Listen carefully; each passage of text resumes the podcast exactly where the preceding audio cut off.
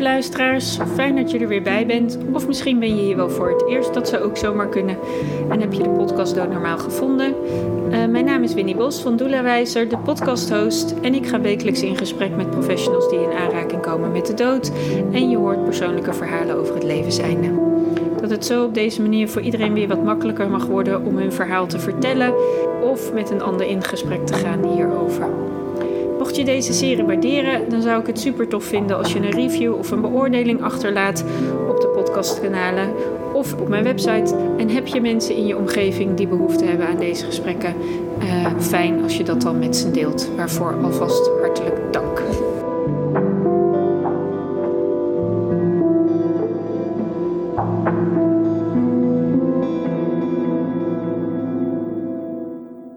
Ik zit vandaag aan tafel met Manu Kersen. Ja, Manu, welkom hier in de podcast Dood Normaal. Ja. Um, eigenlijk loop ik al een aantal jaren met je op. Daar heb jij waarschijnlijk helemaal geen weet van. Maar hmm. ik heb een periode gehad dat ik echt stad en land afreisde om naar jouw lezingen te gaan. Hmm, hmm, en dat was vooral voor mij in de tijd dat ik net mijn vader was verloren. Ik raakte daar volledig van, van mijn padje af. En hmm. snapte eigenlijk niet zo goed wat er in mij gebeurde. Hmm. Het boekje Vingerafdruk uh, van Verdriet kwam op mijn pad. Een heel mooi handzaam boekje. Wat ik later ook heel vaak aan andere mensen heb vergeven. Omdat ik, hmm. ja, het is kort, het is krachtig en het geeft heel duidelijk weer waar het over gaat. En ik had daar zelf zoveel aan gehad en daarom gaf ik dat andere cadeau. En eigenlijk is mijn rouwverwerking, zo zou ik het wel durven zeggen, uh, door jouw lezingen opengebroken. Omdat ik op die momenten dat ik bij jouw lezingen was, me vragen kon stellen, uh, jij die vragen beantwoordde en ik dan weer een, een deurtje open kreeg naar dat waar ik geen, ja, waar ik geen weet van had wat er eigenlijk aan de hand was. En um, nou, ik ben een tijdje uit het vak geweest, uh, ben weer terug in het vak van alles rondom het leven zijnde, afscheid nemen en rouw. En uh, rouwverwerking wordt zo ongelooflijk onbegrepen. En ik vind dat jij daar zulke mooie woorden aan kunt geven om het begrijpelijk te maken. Mm Ja. Dank je wel dat je dat hier wilt doen. Mm, goed, ja. ja. Dus um, ja, als je het hebt over rouw, hè, Waar hebben we het dan eigenlijk over? Rouw is eigenlijk het hele emotionele, gedragsmatige, zelfs biologische gebeuren waar mensen in terechtkomen als ze geconfronteerd worden met een belangrijke verlieservaring. En uh, je kiest daar niet voor.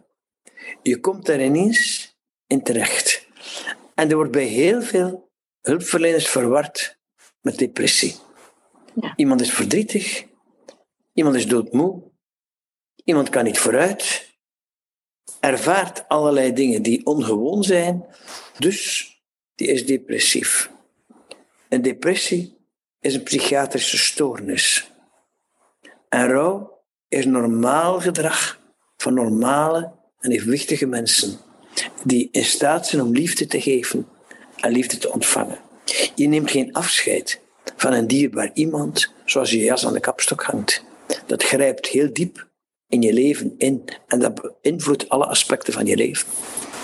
Ja, ja precies. Zo heb ik het ook exact ervaren toen mhm. mijn vader overleed. Al had ik al daarvoor al vele eh, andere verlieservaringen gehad. Hè. Mijn opa, een oom die middels zelfdoding uh, deze wereld was uh, vertrokken. Maar mijn vader had echt zo'n ongelofelijke impact. Het was alsof er een vulkaanuitbarsting was ontstaan en een enorm gat in de grond zat. Ja, en pas op, uh, op dat moment ben je overtuigd, ik ben mijn vader kwijt. Maar je raakt je vader eigenlijk nooit kwijt. Je ouders die heb je drie keer levend, overleden en voor eeuwig je, je blijft eigenlijk altijd de dochter van je vader, ook als die al lang geleden gestorven is. En die gaat met je mee door het leven. In die zin gebruik ik niet meer het woord rouw verwerken. Maar altijd mensen zeggen, heb je dit nu nog niet verwerkt? Dit gaat, uh, ik spreek over uh, verlies overleven. Dat is iets helemaal anders dan verwerken. Daar staat geen punt achter. Dat is nooit voorbij. Ik rijd naar de uitvaart van de moeder van een collega. Ik neem een andere collega mee van 58 jaar, maatschappelijk werkster. Ze zit naast me in de auto, heel stil. Ik zeg, Christa, je bent zo stil vandaag. Laat mij maar, zegt ze. Ik moet nog een beetje wakker worden. En we rijden in stilte verder. En ik zie de tranen op haar gelaat. Ik zeg, Christa, ik heb toch het gevoel dat het iets is vandaag. Het is vandaag 56 jaar geleden dat mijn moeder is overleden. Ze was twee jaar oud toen haar moeder stierf. Ze is opgegroeid in een streng weeshuis. Ze heeft geen van haar ouders gekend. Maar we zijn op weg naar de uitvaart van de moeder van een collega en de tranen stromen. Dit is normaal gedrag van normale en evenwichtige mensen. En dit toont hoe mensen in staat zijn om van iemand te houden en zich verbonden te voelen over de jaren heen. Ja. En waarom denk jij dan dat er zo in de wereld van de hulpverlening die verwarring wordt gemaakt tussen puur natuurlijk menselijk gedrag die ontstaat na een ingrijpende gebeurtenis en dat men dan heel snel dat eigenlijk stopt in de hoek van de depressie? Omdat mensen niet geleerd hebben hoe daarmee om te gaan. En dood en sterven is eigenlijk verdwenen uit de kern van het leven van mensen. Als je twee generaties teruggaat, dan groeiden drie generaties onder hetzelfde dak op. En kinderen groeiden op in een woonkamer waar ze een grootouder zagen ziek zijn en sterven. En de gemiddelde levensverwachting was ook niet zoals vandaag. Uh, twee generaties geleden was de gemiddelde levensverwachting tussen de 60 en de 70 jaar. Dus grootouders werden niet zo oud als vandaag. En kinderen groeiden op en zagen die grootouders sterven in de woonkamer. Vandaag is dat verdwenen uit de woonkamer. Naar ziekenhuis, verpleeghuizen, naar uh, uh, woonzorgcentra, naar hospices. En het maakt geen deel meer uit van het leven waarmee je opgroeit. En kinderen vormen hun grondbeelden over het leven in die jonge jaren. Ja. Ja, want het is heel erg belangrijk dat we gewoon alle aspecten van het leven in uh, ons opgroeien eigenlijk meekrijgen. Ja, ja. En je moet ook zien, vroeger als je zeven kinderen ter wereld bracht, kon je ervan uitgaan dat drie tot vier van die kinderen zouden sterven voor de volwassen leeftijd bereikten. Sterven behoorde veel meer tot het dagelijks leven van de mensen. En vandaag niet meer. Nee, want eh, is het dan zo dat we het zo hebben georganiseerd in onze. Ja, ik, het woord gezondheidszorg vind ik eigenlijk helemaal niet passen. Maar in, zeg maar in de wereld van zorg dat we het leven zo hebben gemaakt dat we alleen maar bezig zijn met mensen laten leven in plaats van ook mensen laten sterven? Ja, ja, ja. Pas op. Uh, uh, artsen gaan geneeskunde studeren, hè? Mhm. Om mensen te genezen. Ik heb nooit, ik heb 50 jaar in de gezondheidszorg gewerkt. Ik heb nooit een arts iemand zien genezen. Maar toch waren ze vroeger geneesheren, nu noemen ze arts, maar vroeger geneesheer. En ze hadden geneeskunde gestudeerd aan een faculteit voor geneeskunde. Uh, wat doen artsen? Ze, ze nemen anamnese af, ze doen een aantal onderzoeken, ze stellen een diagnose en ze stellen een behandeling in. Maar om te genezen wordt je naar huis gestuurd. Artsen genezen niet. Maar het is zo krampachtig. En dat is zo'n danig beeld. En sterven hoort er niet bij. Nee. En eh, ik, ik zie de afgelopen jaren wel een verandering in de wereld ontstaan. Dat steeds meer mensen ook kenbaar maken dat ze thuis willen sterven. Of dat ze ook veel meer bezig zijn met het voorbereiden op dat sterven. Um, hoe zie jij de tijd waar we nu in leven eh, in verhouding tot of in relatie tot de dood? Ik zie ook een zekere verandering erin, een zekere bewustwording, maar dat resulteert nog niet in mogelijk maken dat mensen die thuis willen sterven, thuis kunnen sterven. 80% van de mensen is hun wens van thuis te sterven in een vertrouwde omgeving. In België is dat amper 20%. En in Nederland is het geen 30% van de mensen die thuis sterven. En ik heb heel veel moeite. De palliatieve beweging heeft dood iets bespreekbaarder gemaakt. Maar in mijn laatste boek, Anders Leven, schrijf ik heel duidelijk: de palliatieve beweging heeft de trein gemist. Want de palliatieve beweging is zich meer en meer gaan richten op het oprichten van hospices en bijna thuishuizen. Uh, dit is niet hetzelfde als thuissterven. Uh, en men heeft altijd maar meer en meer disciplines rondom de stervende patiënt gezet. Een, een psycholoog, een maatschappelijk werker, een bachbloesemspecialist, allerlei verschillende deskundigen. Maar mensen willen niet op het einde van hun leven nog allerlei nieuwe disciplines ontmoeten. Mensen willen vertrouwdheid rondom zich. En willen in een vertrouwde omgeving kunnen sterven, als ze dit mogen kiezen. Ja, en wat er nu eigenlijk gebeurt door die palliatieve uh, beweging, is dat, die nog steeds, dat de dood nog steeds in de medische hoek belandt. Dus, de, dus nog steeds in de ziekenhuizen, waar eigenlijk het gros van de mensen niet wil zijn. Ja, en de palliatieve zorg is eigenlijk opgericht door Cecily Saunders in de tachtiger jaren van vorige eeuw, omdat ze juist een alternatief wilde bieden voor dat louter medisch verhaal.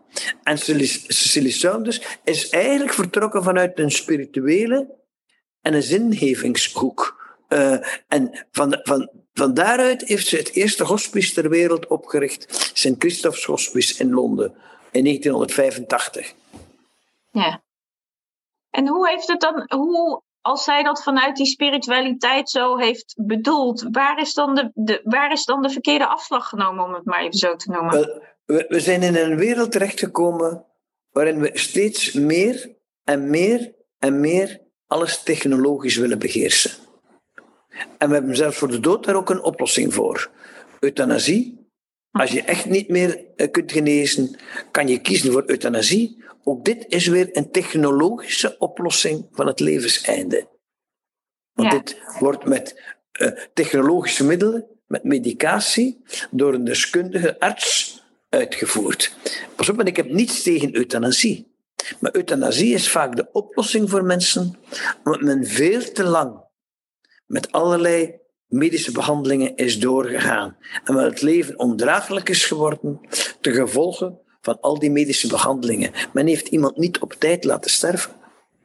Ja, precies. Want eigenlijk is het toch ook van de gekke als je het hebt over euthanasie dat we aan een ander toestemming moeten vragen of we wel mogen sterven. Ja, ja, ja, ja, ja. Uh, dat vind ik is... zo raar aan dat hele. Ik bedoel, ja. euthanasie, ja, ik heb er geen mening over. Als mensen het willen, moeten ze dat zelf doen.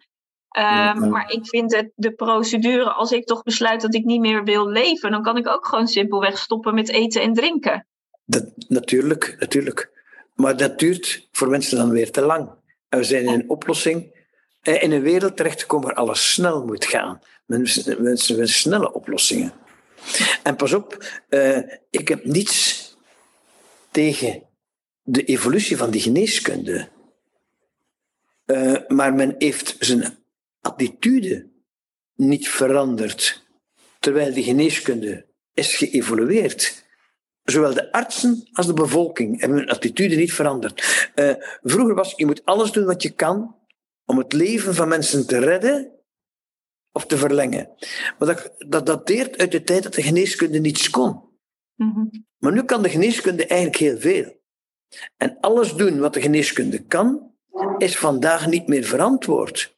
Men moet bij elke behandeling zich de vraag stellen: uh, kies ik daar nog voor om dit bij deze patiënt te doen? Voor hoe lang? Op welke wijze? Tegen welke kostprijs en met welk resultaat. En vaak, als ik kijk in een groot universitair ziekenhuis in België, is de gemiddelde leeftijd van de open hartoperaties 82 jaar. De gemiddelde leeftijd. Het zitten er daar ook tussen van 40 jaar, hè, het gemiddelde is 82 jaar. De gemiddelde leeftijd van de mensen in dialyse, in nierdialyse, is 81 jaar.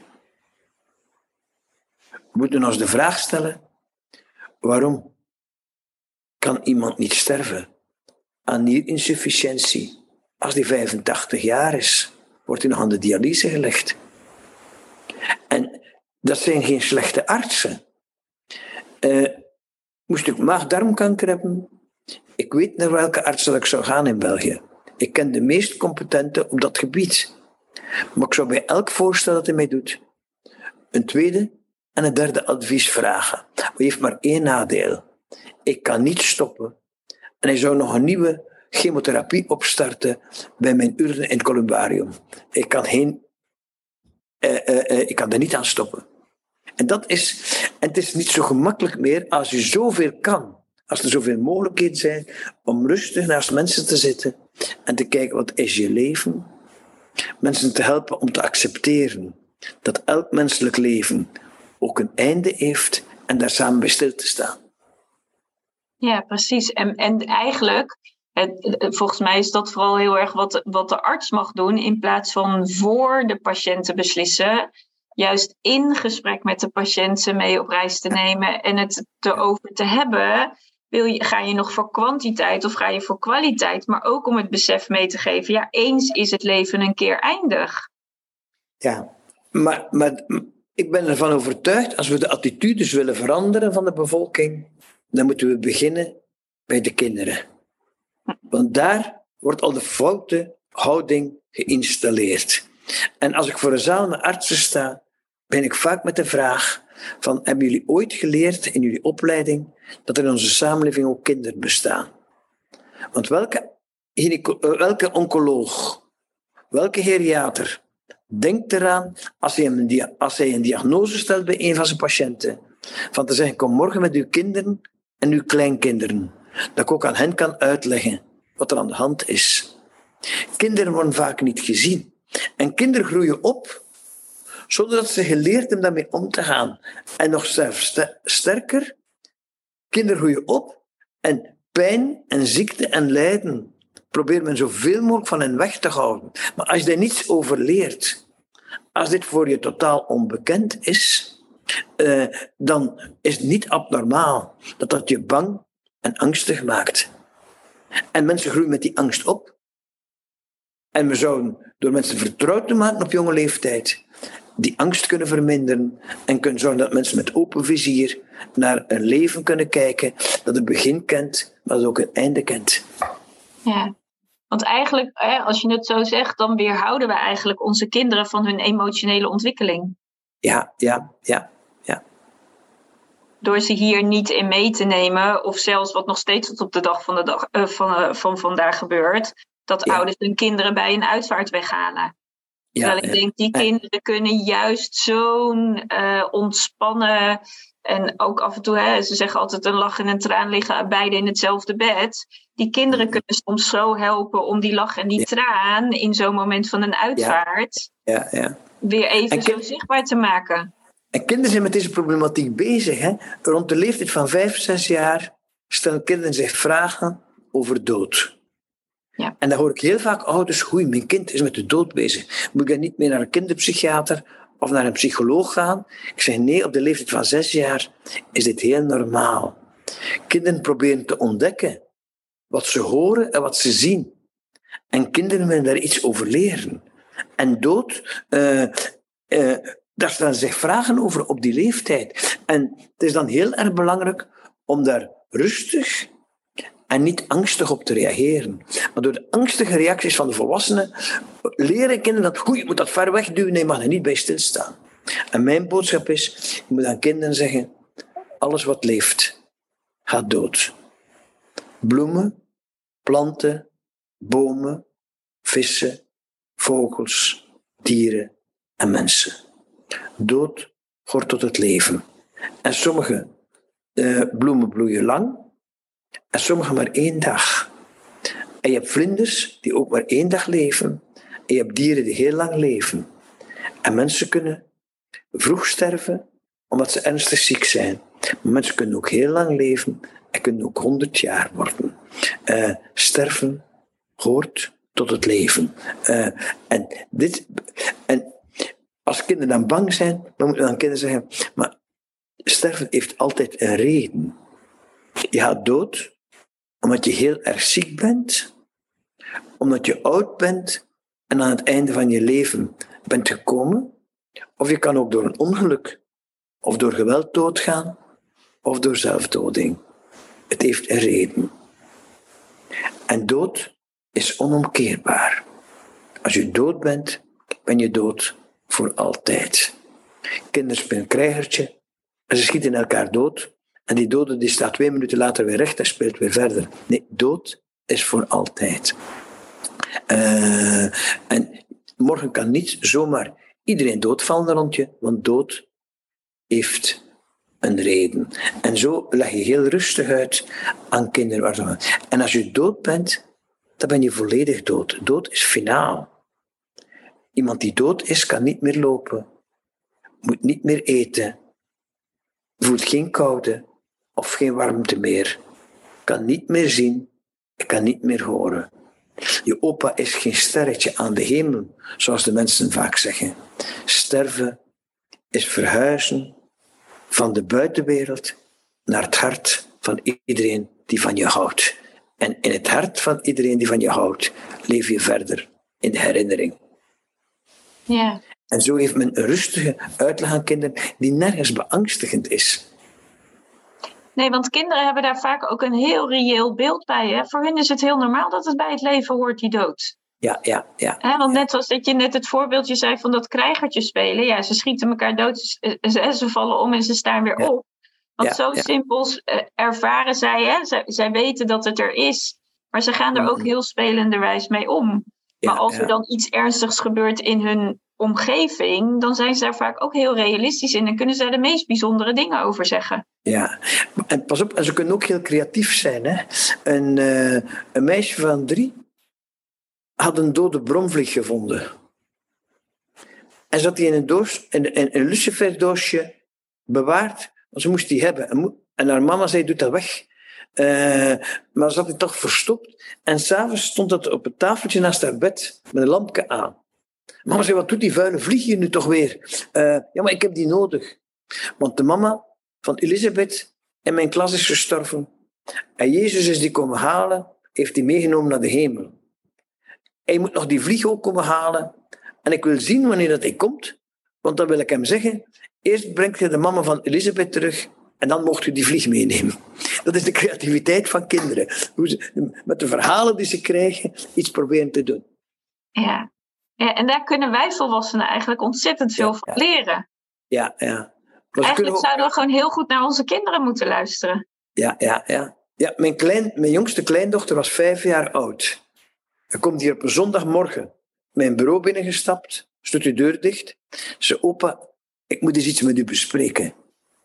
Mijn mama heeft gezegd dat jij alles weet over de dood. Hm. Elk kindje heeft twee opa's. Ik zeg ja, Liesje. Ik heb ook twee opa's, maar opa Louis die is dood, want die is in zijn bord gevallen. De schoonvader van mijn dochter heeft ooit een infarct gedaan terwijl ze aan tafel zaten en die is voorovergezakt in zijn bord. Opa Louis die is dood, want die is in zijn bord gevallen. Opa, hebt jij opa Louis gekend? Ik zeg ja. Kunt u mij dan vertellen over opa Louis? Dan leer ik hem ook kennen. Dan heb ik ook twee opa's. Ik zei, Lies, ik zal je alles vertellen wat ik over opa Louis weet. Maar wie daar veel meer over weet dan ik, dat is uw papa. Want opa Louis was de papa van uw papa. Dat weet ik wel, opa. Maar mijn papa weet niet over de dood. Vijf jaar oud. Ja, kinderen zijn. Ik vind het echt altijd fascinerend hoe kinderen zo uit een onverwachte hoek kunnen komen. Zo oprecht, zo eerlijk, zo puur en zo helder wat ze eigenlijk willen ontvangen. Ja, ja. Nou, is, um, um, wordt er altijd in rouw gekeken um, naar, hè, vaak in de naaste familie. Maar eigenlijk als een mens overlijdt, heeft de mens natuurlijk ook een sociaal netwerk en een, een, een, een werkplek waar iemand gewerkt heeft. Iemand, iemand wordt verloren in verschillende lagen van zijn leven. Uh, maar wat ik altijd ervaar is dat um, vaker altijd maar naar die eerste nauwe kring wordt gekeken. Maar als er in een voetbalteam iemand wegvalt, is daar ook een gemis. Dat is ook een gemis. Uh, in mijn boek Helpen bij Verlies en Verdriet heb ik een hoofdstuk gewijd aan het sterven van belangrijke figuren in de media. Een zangeres, een, een, uh, een actrice, een voetbalspeler, een geliefde, bekend, beroemde renner. En dat raakt mensen. ik zie nog ik, een vrouw voor mij die zegt: Mijn zoon van 15 jaar lag s morgens op zijn bed. En ik kon niet opstaan. En hij lag daar te huilen. en te staren naar die voetbalspeler op een affiche op de muur in zijn kamer. Ja, ik ken die toch niet? Ik zei, mevrouw, die voetbalspeler zit s'avonds op het televisiescherm, op twee meter van hem verwijderd in de woonkamer. En is daaraan gehecht. Ja, maar dat is toch massahysterie? Nee, dat is geen massahysterie, dat is verbondenheid. Uh, en op bepaalde momenten, zoals ouders identificatiepersonen zijn voor hun kinderen, zijn bekende figuren in de, die in de media komen ook op een bepaald moment identificatiefiguren die men wil nabootsen. En dat creëert verbondenheid. En als die wegvallen, eh, is dit een verlies van verbondenheid. Ja. Ik denk dat het voorbeeld van het recente verlies van Queen Elizabeth daar een heel ja, mooi... Uh... Heel mooi, heel mooi, ja. ja, ja, ja. Hoe mensen daar dagen hem staan aanschuiven om een laatste groet te komen brengen. En dan Queen Elizabeth niet persoonlijk gekend, maar ze was verbonden met de natie waartoe ze behoorden. Ja, en zoals een Engelse vriendin van mij zei, want ik, ik, ik had contact met haar in de, in de dagen dat de, de Queen was overleden. En toen zei ik, goh, hoe is het in Engeland? En zij zei, het is alsof ik mijn oma ben verloren. Ja, ja. Hè, maar dat moet je mij eens even uitleggen. Ze zegt, nou ja, weet je Win, in Engeland zie je de Queen overal. Als ik mijn mm. geld uit mijn portemonnee pak, heb ik haar in mijn handen. Als ik naar een openbaar gebouw ga van uh, de overheid, is ze daar zichtbaar. Weet je, overal en nergens zie je haar mm. beeld verschijnen. Dus ja, hoezo is ze er ineens niet meer? Ze heeft hier 70 jaar in dit land generaties lang. We weten niet anders dan dat zij er is. Ja. Mijn moeder kent haar. Mijn kinderen kennen haar. Ik ken haar. De, de mm. moeder van mijn moeder kent haar nog. Dus ja, en mensen hebben meer haar foto gezien dan die van hun eigen ouders vaak. Want die hangt in alle openbare gebouwen. Ja, maar bijzonder hoe dat. Ik was daar echt door ontroerd door echt van haar te horen dat zij zei: Ja, maar ik ben echt. Ik heb het gevoel alsof ik mijn oma ben verloren. Zij hoort zo bij mijn leven. Zij is zo onderdeel van mijn dagelijkse dag. En, en nu is ze er niet meer. Ja, ja. Het is een hele reële ervaring. Ja, precies. Ja. ja. Want hoe heb jij dat ervaren? Hoe dat eraan toe is gegaan rondom de Queen? Wat ik vooral naar gekeken heb, is van uh, hoe gaat de koninklijke familie om met dit gemis? Uh, en ik zal me even verduidelijken. Ik herinner me nog zeer duidelijk het moment dat president Kennedy werd doodgeschoten. Dat was in 1963. Ik weet nog waar ik stond toen ik dat op de televisie te zien kreeg. En het overwegend beeld in de media, dat maandenlang de media heeft beheerst toen, was de weduwe van president Kennedy, Jacqueline Kennedy, een statige, mooie vrouw, in zwart gekleed, en die wereldwijd werd bewonderd omdat ze in het publiek geen traan had gelaten. Dat was nu eens voor de mensen een sterke vrouw. Zoveel jaar later toen uh, Lady Diana verongelukte, is de Engelse koninklijke familie maanden bekritikeerd in de media, omdat ze in het publiek geen traan hadden gelaten. Er was iets veranderd in de cultuur. En dat was de grootste crisis van de Engelse monarchie. De wijze waarop de koninklijke familie toen met de dood van Lady Diana is omgegaan. Want Lady Diana was ook een figuur die de wereld beheerste. Dat huwelijk, haar sociale zin, dat, eh, de, de wereld had daarmee meegeleefd. Maar de Engelse koninklijke familie toonde geen tranen in de media. En de vlag werd veel te laat uitgehangen, uh, half stok. Uh, in Engeland. En ik heb eigenlijk zitten kijken van hoe gaat de koninklijke familie nu omgaan met het sterven van de queen. En deze keer hebben ze wel hun emoties kunnen laten zien en kunnen laten. En dit vond ik wel een belangrijk signaal. Van verdriet hoort erbij. Ja, dat ook zij als zijnde een familie die veel gezien wordt en aanzien heeft, aan, eigenlijk aan het volk laten zien dat het oké is om verdriet te hebben. Ja, ja, ja, ja. ja. En, en pas op, en als je die publieke manifestatie van verdriet ziet, dat heeft niet alleen met de Queen te maken. dat heeft ook een beetje te maken met vandaag, of in deze dagen, mag je verdriet aan het publiek laten zien. En het eigen verdriet van mensen komt ook weer boven. Het is heel opvallend dat je vriendin meteen verwijst naar het is alsof mijn oma gestorven is. Eh, het verdriet om de queen en het verdriet van haar oma, die mogen zichtbaarheid hebben op dit moment, want het is toegelaten in de samenleving van verdriet te laten zien. Ja, de, ja, precies. Want dat is ook precies wat zij verwoorden. Ze zegt je, ik voel echt in mijn gemeenschap dat iedereen aan het rouwen is. Dat we allemaal op onze eigen manier verdriet hebben over het feit dat zij er gewoon fysiek niet meer is. Dat zij er fysiek niet meer is, maar ook verwijst het naar andere mensen die je fysiek hebt verloren en waar je niet publiek voor hebt kunnen rouwen. Ja. Ja, want zij is dan weer een beeld die dan weer een, een, opening geeft naar een stuk rouw waar je niet aan toe bent gekomen en die dan door haar weer wordt geopend.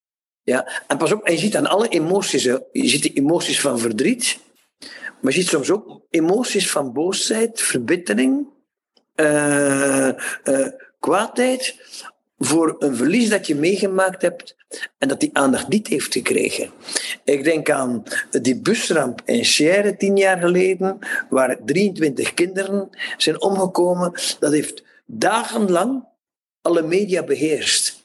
Ik heb heel veel mensen gezien en gehoord in die dagen die een kind verloren hebben in een verkeersongeval en waar publiek geen aandacht voor is geweest. En waar iedereen na drie dagen overging tot de orde van de dag, alsof dit een van de gewoonste zaken ter wereld was. En die dingen komen ook boven op zo'n momenten. Ja, want, want als je hè, de grote rampen hebt, hè, hier in Nederland heb je natuurlijk uh, MH17, een aantal jaren geleden. Ja, uh, ben je bijna een bijzonder persoon dat jij een van de naasten bent geweest die een verlies heeft geleden door zo'n ramp. Ja, Terwijl als, je, als je als naaste gezien wordt. Want ik zat toen, uh, een jaar na die ramp, heeft men in Nederland een uh, openbare publieke herdenking georganiseerd van die ramp. En men, richt, men had zich uh, gericht in de uitnodiging tot alle partners, kinderen, ouders, collega's, vrienden van de mensen die waren omgekomen. En men had de broers en de zussen vergeten. Mm. En ik zat toen uh, aan de telefoon in Hilversum, in de, in de studio van de televisie. En ik heb heel veel mensen gehoord, wij zijn vergeten. Wij bestaan voor de overheid niet. Want ze hebben nergens de broers of de zussen vermeld. Ja. Mensen willen gewoon gezien worden, hè? daar gaat Mensen willen gezien worden en men moet dus eigenlijk heel goed nadenken over de zorgvuldigheid waarmee men uh, mensen aandacht geeft, dat men niemand vergeet die recht heeft op erkenning en op aandacht in het verdriet. Ja. Want in essentie komt het er eigenlijk op neer dat we allemaal dat luisterend oor willen ontvangen. Ja, dat luisterend oor, oor om ons verhaal te doen over dat wat wij graag kwijt willen. Ja, ja. Maar dat zijn we in de wereld ook een beetje verleerd om dat luisterend oor te geven. Dat zijn we ook verleerd, ja. ja. Want dan verwijzen we liever naar, ga maar naar de huisarts, die zal het wel weten, of die heeft wel een middeltje voor je, of die verwijst je wel door, of nou ja. Of je moet naar een psycholoog. Of, uh, Ik krijg heel vaak uh, vragen van mensen die eigenlijk heel erg bekommerd zijn om hun kinderen en dan de vraag stellen, moet ik niet met mijn kind naar een psycholoog, want oma is gestorven, of een vriendje van de klas is gestorven en mijn kind is heel erg verdrietig. Uh, waar kan ik een goede kinderpsycholoog vinden? Dan probeer ik altijd aan mensen duidelijk te maken. De troosters van de kinderen zijn niet de psychologen, niet de therapeuten, maar zijn de ouders. De ouders zijn de troosters van de kinderen. En stel mij maar uw vragen. Ik zal u helpen om een goede opvang te bieden als vader en moeder aan je kind in verdriet. Want de ouders zijn de troosters en niet de therapeuten. En dood en sterven is voor jonge kinderen een vreemd gebeuren dat op hun pad komt. Dat ze dat moeilijk hebben is heel normaal. Maar ze dan in een consultatiekamer zetten Bij een kinderpsychiater of bij een psycholoog is weer een vreemd gebeuren. En men moet ze juist vertrouwdheid bieden. Ja, de eigen vertrouwde, warme omgeving van bekende mensen. En het kan bij wijze van spreken zijn dat als de ouders dat hè, lastig vinden omdat zij zo vastzitten in hun verdriet, dat een opa of oma of een oom of tante ja, daarin een, een, luisterend oor uh, kan bieden. Maar ik denk altijd terug op die momenten, als ik zelf zes jaar oud was, is een jongetje van vier in de straat waar ik woonde verongelukt. En s'avonds gingen we met de vier oudste kinderen, met ons moeder, de laatste groet brengen aan het overleden kind.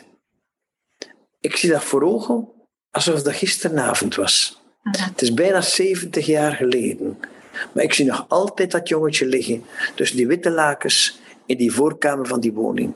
Enkel een handje van het kind konden wij zien boven de lakens. Het hoofd was één grote bol, wit verband, want het hoofd was verpletterd onder die wielen van die vrachtwagen. Ik zie de ouders nog staan huilen naast het bed. Ik herinner me die avond uit mijn kinderjaren als een avond waarop we veel langer mochten opblijven dan normaal. Een avond waarop we een intens gesprek met onze ouders hadden. En een avond waarop we midden in de week een kop warme chocolademelk kregen. Iets wat in die tijd enkel op grote feesten gebeurde in een gezin met elf kinderen. Ik heb daar geen afschrikwekkend beeld aan overgehouden. Uh, als ik vele jaren later aan het sterfbed van mijn moeder zat, die op 63-jarige leeftijd aan kanker is gestorven, zei ze op een bepaald moment: Goed dat jij psychologie gestudeerd hebt, dat wij zo rustig en zo eerlijk met elkaar kunnen praten. Ik zei: Mama, denk je dat ze dat leren in de psychologie? Waar heb je dat dan geleerd, zei ze.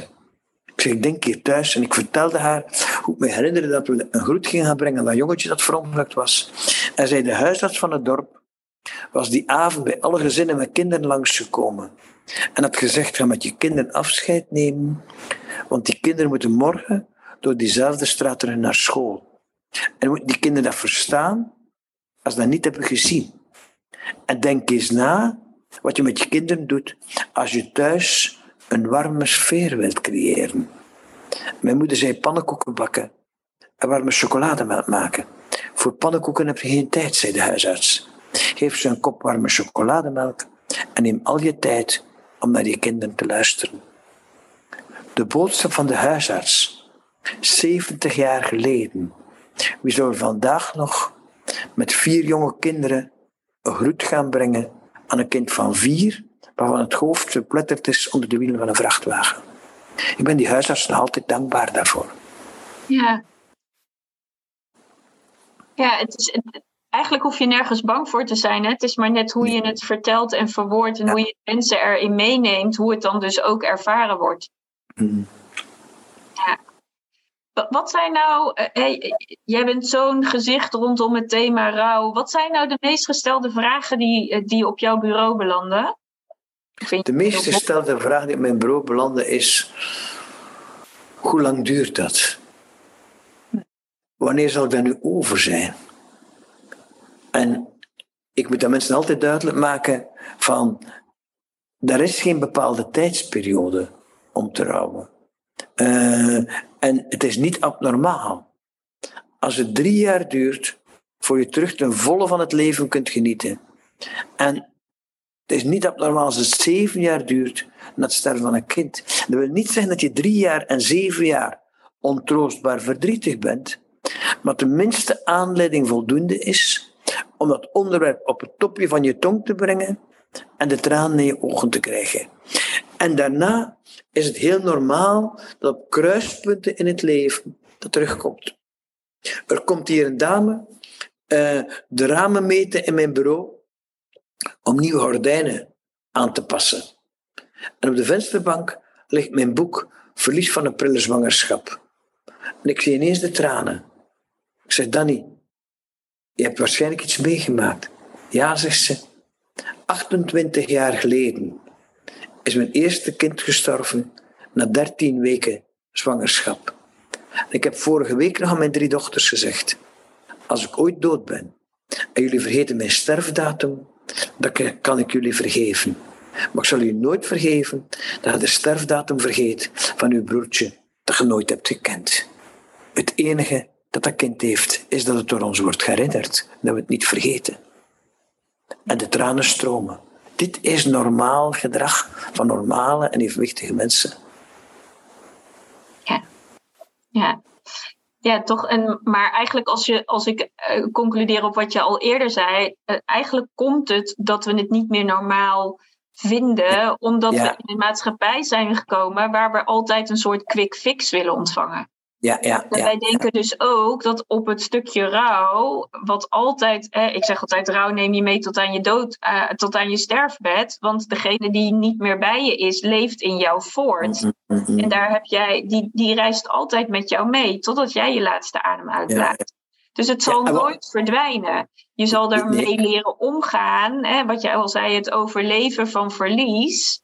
Dat is wat we uiteindelijk doen. Maar in de, in de wereld waarin we ja, een soort gemaaktheid van het leven willen, willen we graag die quick fix, fix die we ook bij de arts ja. ontvangen. Doe mij een quick fix voor de rouw. Ja. En als heel veel dingen wegvallen in het leven, komen mensen tot de kern en tot de essentie waarover het leven gaat. En dat is liefde en verbondenheid. En dat valt mij op als ik zie. Uh, ik heb heel veel ervaring met mensen die in de laatste periode van hun leven in een woonzorgcentrum wonen met de ernstige vorm van dementie. In het laatste stadium van hun leven, waar ze niemand nog herkennen, hun kinderen niet meer, hun partner niet meer als die nog leeft, uh, zie je dat sommige van die mensen een troetelpopje of diertje in hun armen hebben en dat heeft een naam. Louise, Jantje, Paul. De naam van een kind dat ze 60, 70 jaar geleden bij de geboorte hebben verloren. Al de rest is verdwenen. Maar de naam van het overleden kind is hetgene dat nog met hen meegaat. En men denkt dan vaak, ja maar iemand is helemaal dement, uh, die beseft niets meer, die beseft niets meer intellectueel, want de hersenen laten dat niet meer toe. Maar als mens voelt hij misschien nog wel een aantal dingen die, uh, die zijn hart beroeren. Denk aan een vrouw die elke dag haar man kwam bezoeken in het woonzorgcentrum. Haar, haar man was al negen jaar ernstig aan het wegleiden in de dementie. Die vrouw kwam elke dag van twee tot zes, was met alle bewoners bezig, want haar man herkende haar niet meer en keek eigenlijk niet naar haar om. Die vrouw doet op een bepaald moment een infarct, komt in het ziekenhuis terecht en sterft tien dagen later in het ziekenhuis. In die tien dagen hebben we die man zien wegkwijnen en is samen zijn vrouw begraven. De arts had maar één verklaring. Die is doodgegaan van gemis en verdriet. Op die tien dagen tijd. Dus, uh, dus doorheen de schemer en de mist van de dementie is warmte, liefde en verbondenheid blijkbaar nog voelbaar. Ja, en, en, als je dat dan zo zegt, denk ik, vinden we het dan heel lastig om bij onze eigen essentie te komen? Ja, ja. Wel, uh, je, de, je moet eens kijken wat we in de scholen doen. Mm-hmm. Kinderen worden vooral gericht op het rationele en intellectuele. Ja. En veel minder op het emotionele. Mm-hmm. En men zegt, allee, je moet gebruik eens je verstand, zegt men. Of denk eens na. Je zou, we zou ook aan mensen kunnen zeggen, voel eens. Leef je eens in. Dat wordt veel minder gezegd. Ja, het is alleen maar het hoofd wat vol wordt gestopt ja, ja, en wat, wat, wat, wordt leeggehaald, om het maar even zo te zeggen. Ja, ja, ja. Hey, nou, um, ben je al jaren echt uh, met dit onderwerp um, nou, um, bezig? Je hebt zelfs uh, een, een, hele mooie opleiding uh, op de Hogeschool Zeeland tegenwoordig, begeleiding voor ja, rouw en verlies. Ja. waarop je ook echt, ik ken een van de, van de leerlingen van, van je opleiding. Nou, die is laaiend enthousiast. Die zegt, ja, we worden niet opgeleid als rouwbegeleiders maar echt om nabij de mens die rouwend is te zijn, hè, om, om het maar zo te zeggen. Um, um, nou, je hebt al ongelooflijk veel boeken geschreven. Deze opleiding is er nu. Wat wil jij de wereld nog brengen? Ik zou eigenlijk willen dat aandacht voor mensen in verdriet en deskundigheid om ermee om te gaan. Want omdat mensen daar weinig over weten, zie je mensen daar angst voor ontwikkelen. En als het vertrouwder zou zijn, zullen mensen er beter naartoe gaan. En ik wil eigenlijk bereiken dat mensen overal in de wereld, bij ernstig verdriet, mensen rondom zich hebben die zorg voor hen dragen.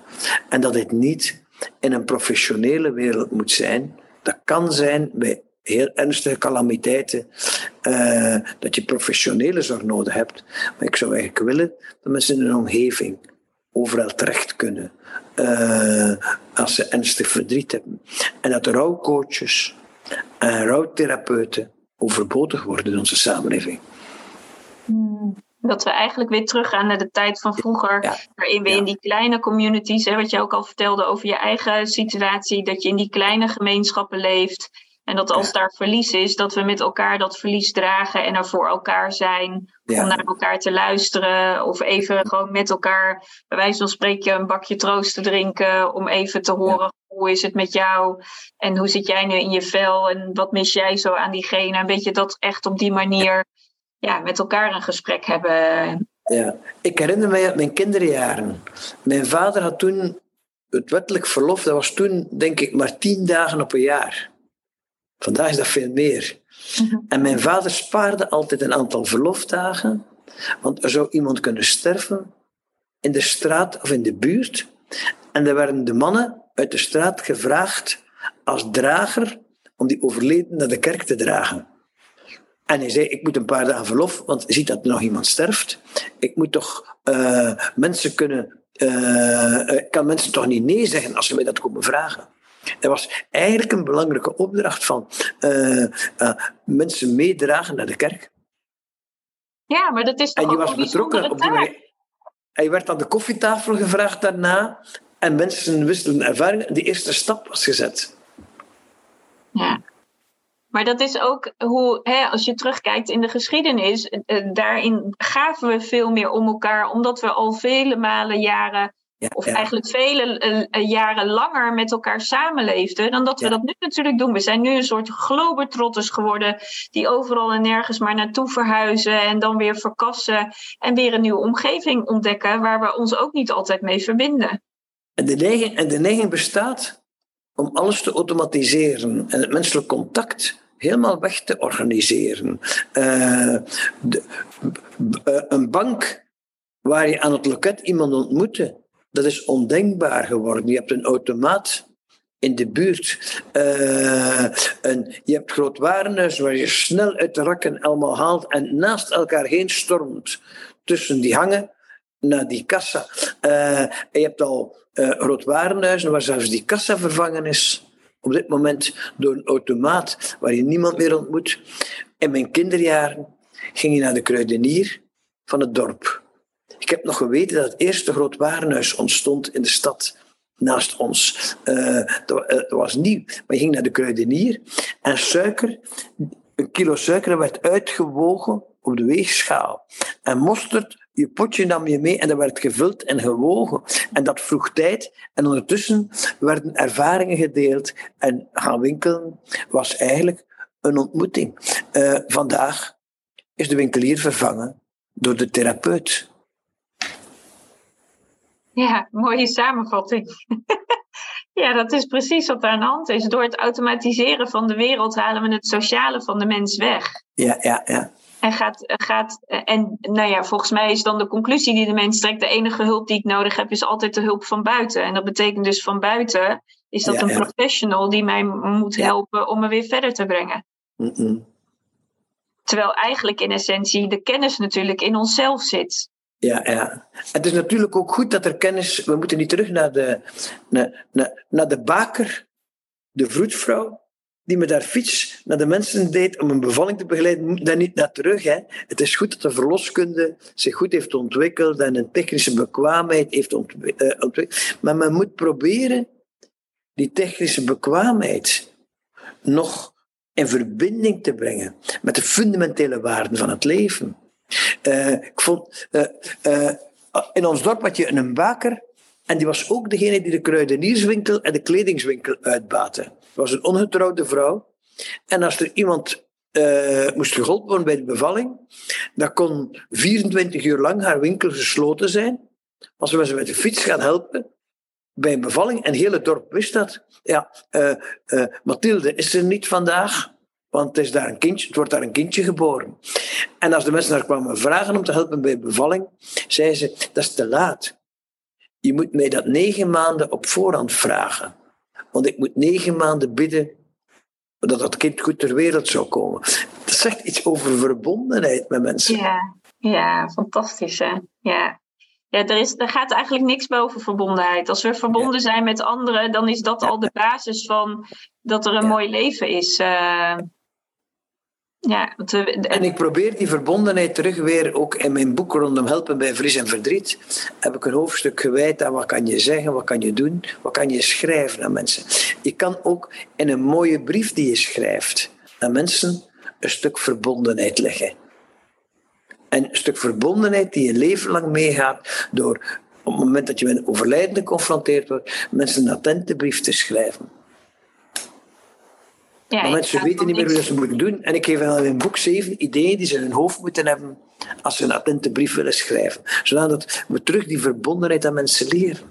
Het is een tijd geweest dat in de Verenigde Staten het als een zeer zware fout werd gezien, een tekortkoming, als een arts geen brief schreef naar de familie van een patiënt die kwam te sterven.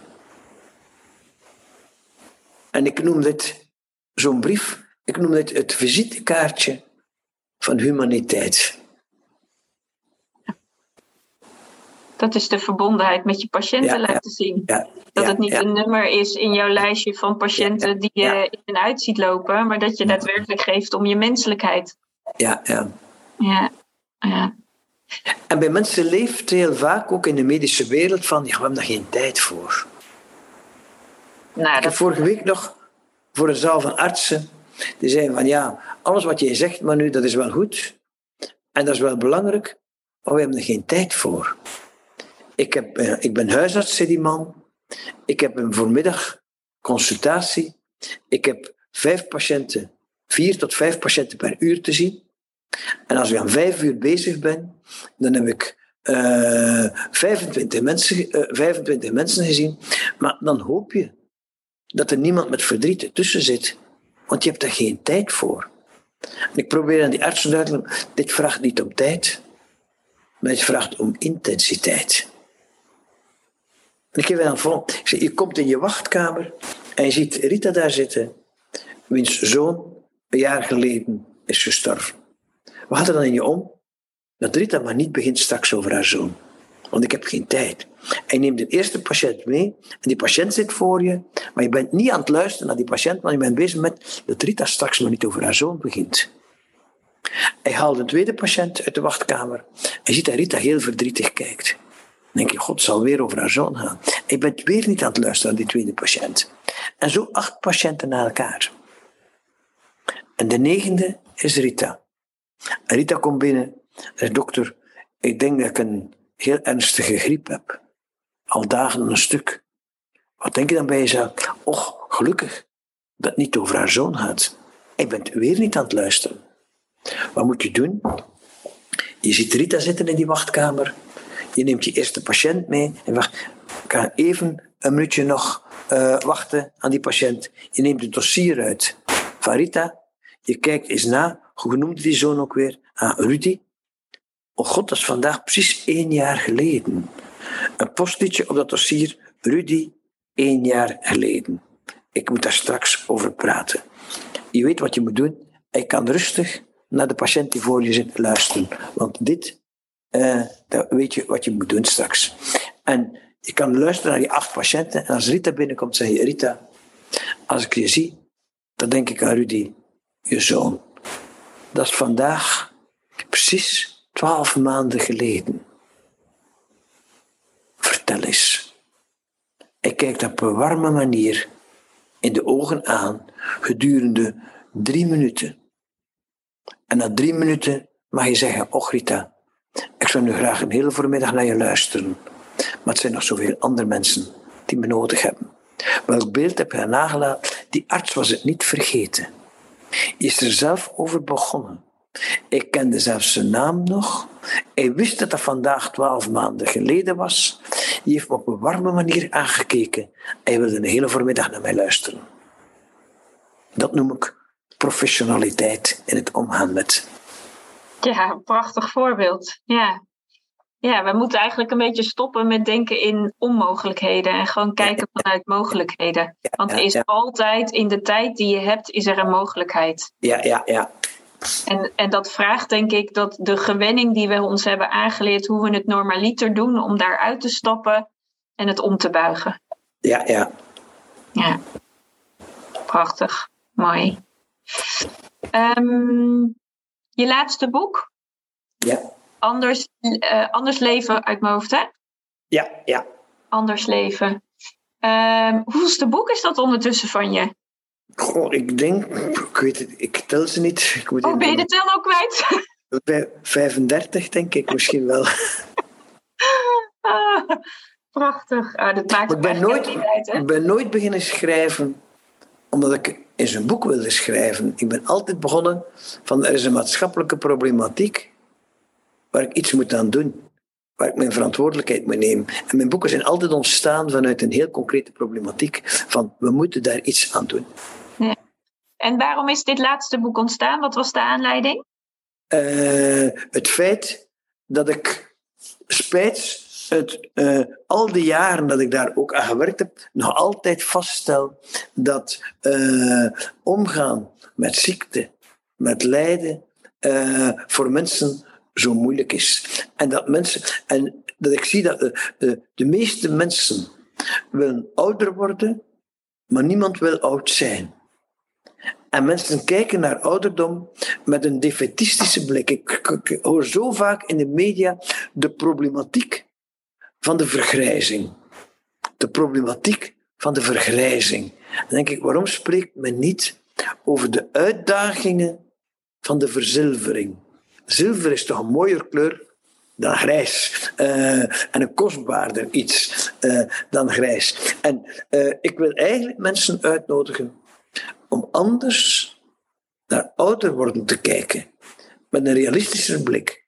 En mijn boodschap is, je moet leren kijken naar ouder worden met het enthousiasme waarmee je kijkt, uh, uh, waarmee je het laatste jaar van je opleiding start. Uh, dit moeten we mensen leren.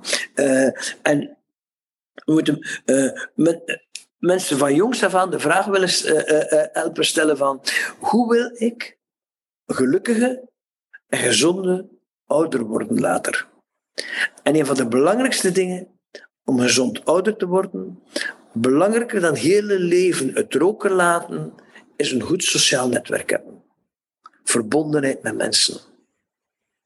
En mijn boodschap is, we moeten kinderen uitnodigen om transgenerationeel te denken. Contact te hebben met alle mogelijke generaties. En we moeten contacten tussen generaties bevorderen en moeten daar iets mee doen. Het is heel normaal als grootouders op bezoek komen bij hun kinderen en kleinkinderen, dat ze aan de kleinkinderen vragen, hoe is het op school geweest?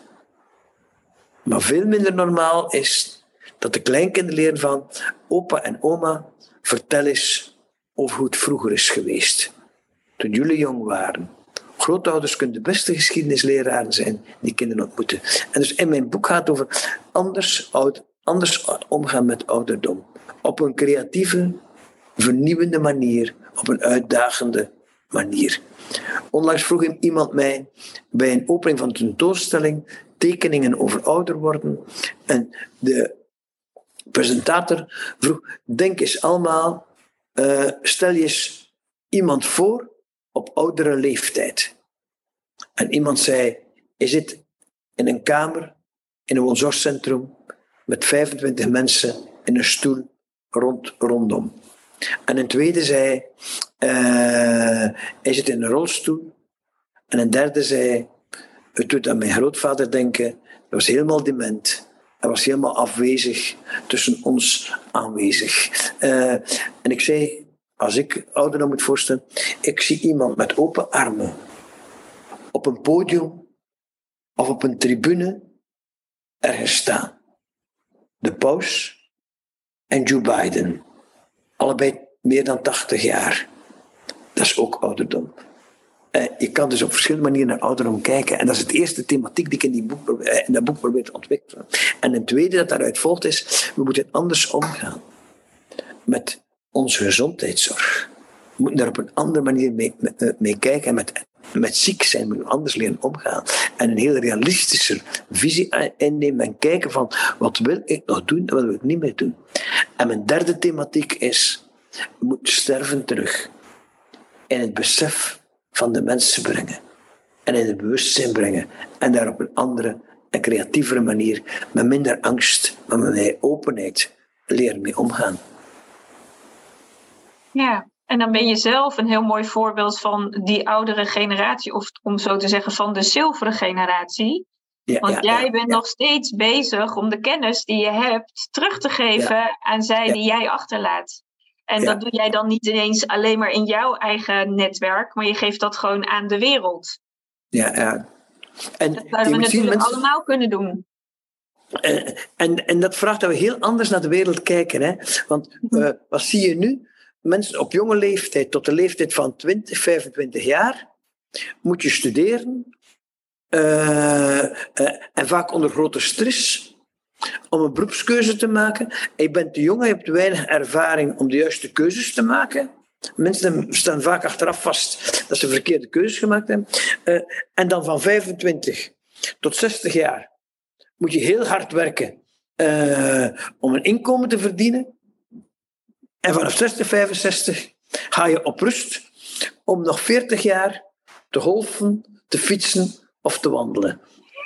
En mijn boodschap, we moeten dat leven heel anders bekijken. We moeten dat eerste periode van het leven uittrekken en jongeren meer kans geven om stages te lopen, om andere ervaringen op te doen, waardoor dat ze meer levenswijsheid uh, en levenservaring hebben om juistere keuzes te maken voor hun later leven. En als ze dan hun werkperiode beginnen, dat is de romantische periode van het leven. Het moment van een relatie vormen, kinderen krijgen. Maar ze hebben er geen tijd voor, want ze moeten voltijds werken. Mensen moeten deeltijds kunnen werken, dat ze tijd hebben voor hun relatie en voor hun kinderen. En als die kinderen groter worden, meer uren gaan werken, want dan willen die kinderen hun afhankelijkheid, willen ze niet altijd meer die toeziende ouders bij hen. Om dan op oudere leeftijd weer geleidelijk aan te verminderen en een soort coach te zijn in het werk voor jongere werknemers vanuit hun ervaringen. En men moet die werktijd verder uitrekken. Waarom moet iedereen op 65 met pensioen gaan? Kunstenaars die gaan niet op pensioen op 65 jaar.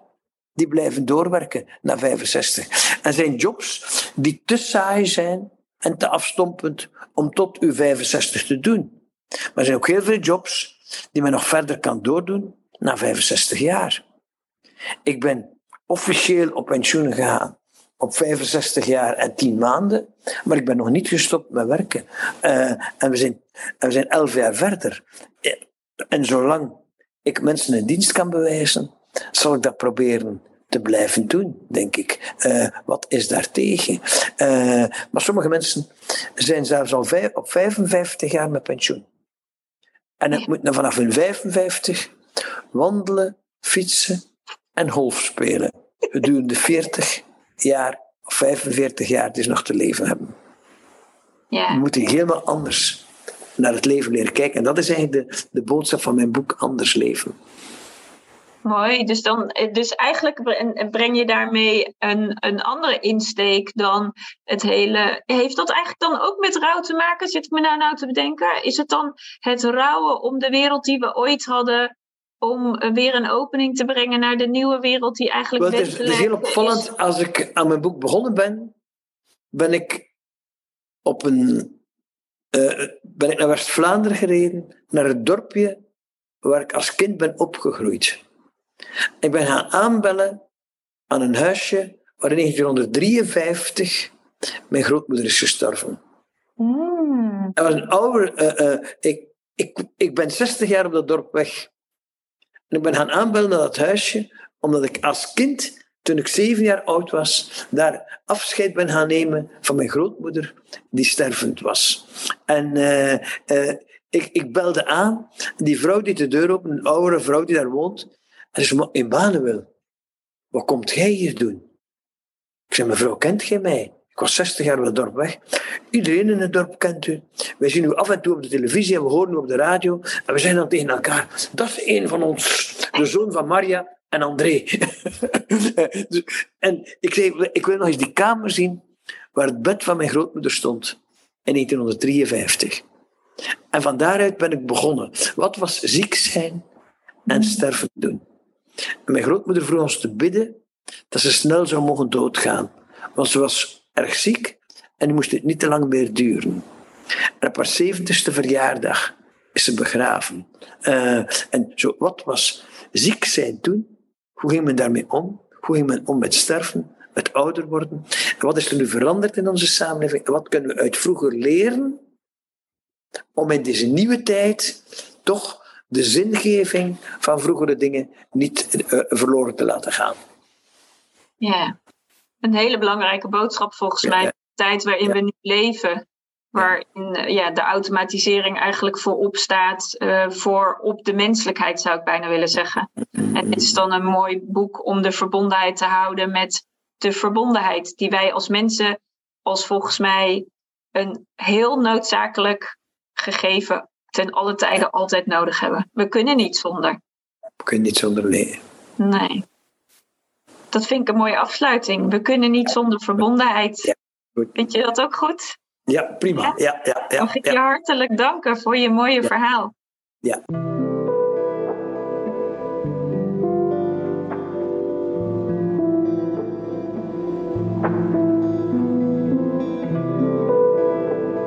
Nou, dat was hem weer voor deze week. Uh, dankjewel voor het luisteren. Fijn dat je er weer was. Uh, mocht het nou zo zijn dat je vragen hebt of opmerkingen of suggesties of wensen voor onderwerpen of heb je gasten die je kunt aanreiken, dan sta ik er altijd voor open. Uh, dankjewel als je met me mee wilt denken. Uh, hetzelfde voor het delen. Deel het met je vrienden, bekenden, familie, wie dan ook in je omgeving. Want hoe meer de verhalen verspreiden, hoe beter het is. En voor nu, tot de volgende aflevering.